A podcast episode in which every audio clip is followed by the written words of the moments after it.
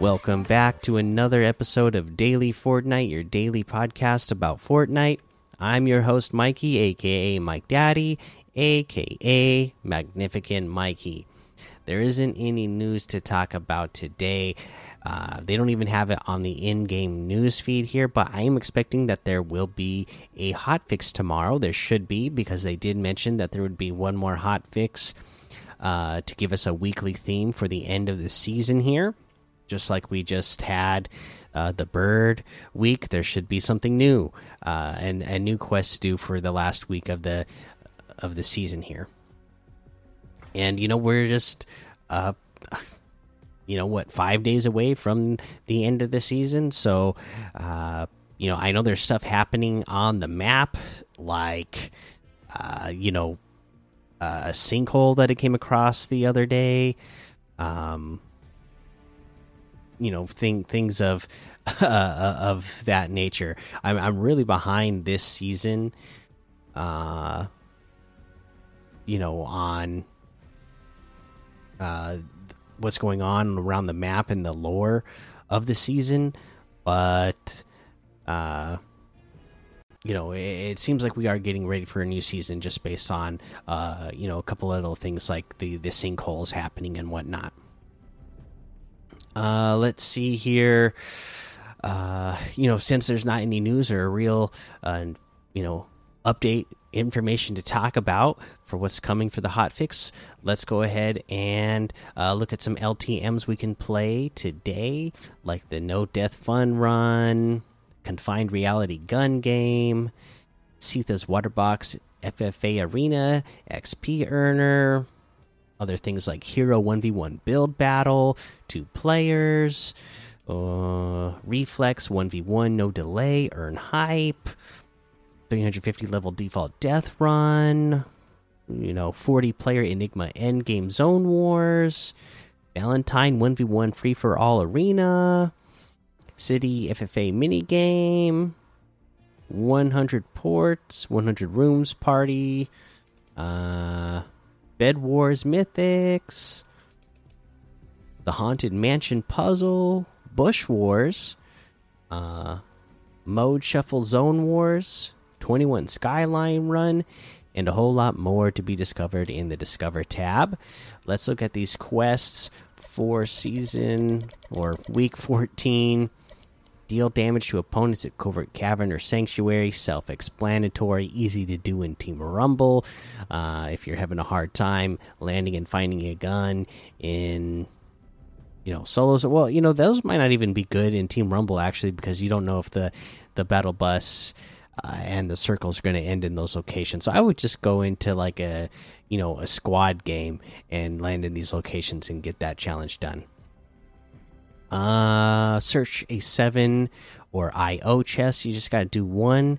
Covert Canyon, obviously a great place to do that.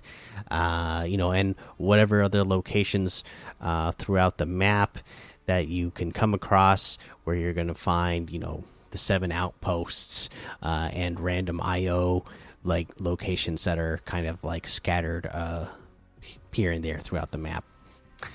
Uh, let's see. Let's go ahead and head on over to the item shop and see what we have in the item shop today. Looks like we have uh, Ariana Grande items still here, Moncler still here, the Monarchs Level Up quest pack still here, and then we have the Astra outfit with the Shining Star back bling for 1,500, the Maximilian outfit with the Para Provisions back bling, the very sneaky emote.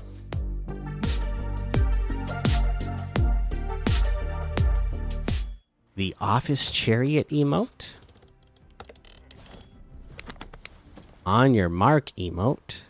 You know, I didn't say how much any of these are, did I? So the Astra outfit with the Shining Star backblings 1,500. The Maximilian outfit with the Para Provisions backblings 1,200. The very sneaky emote is 500. Office Chariot emote is 500. The On Your Mark emote for 200. We have the Staff Stand emote for 200. Uh, the Brat bundle, which has the Broad outfit, Loose Links contrail, duffel dog back bling, and the knockwurst harvesting tool for 1,600.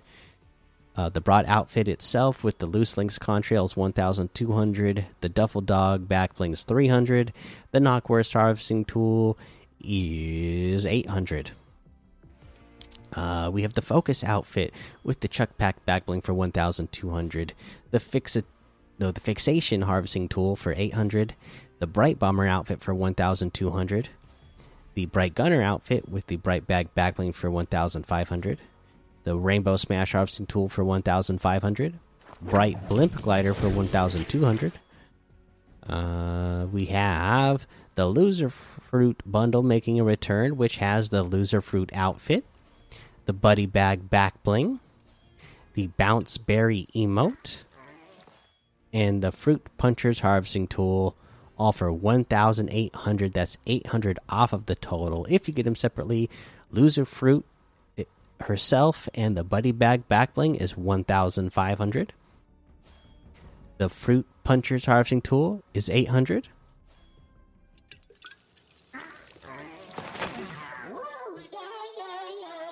the bounce berry emote is 300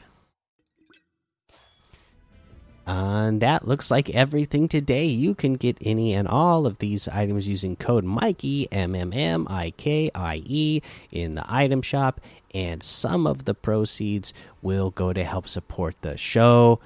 That is going to be the episode for today. You heard me mention it earlier.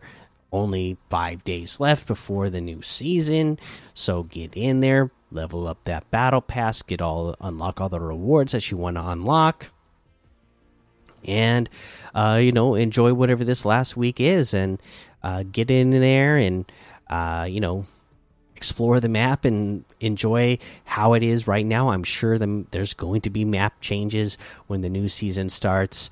Uh, so uh, just you know have fun this last week with all the things that we've had. You know the the web uh, bouncers, the web shooters.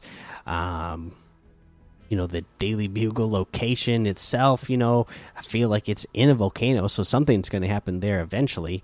So you know take advantage of uh, all the locations that we have and the map and all the items that we've had this season and have as much fun as you can uh, this last week while you can all right, for now, make sure you go join the daily Fortnite Discord and hang out with us.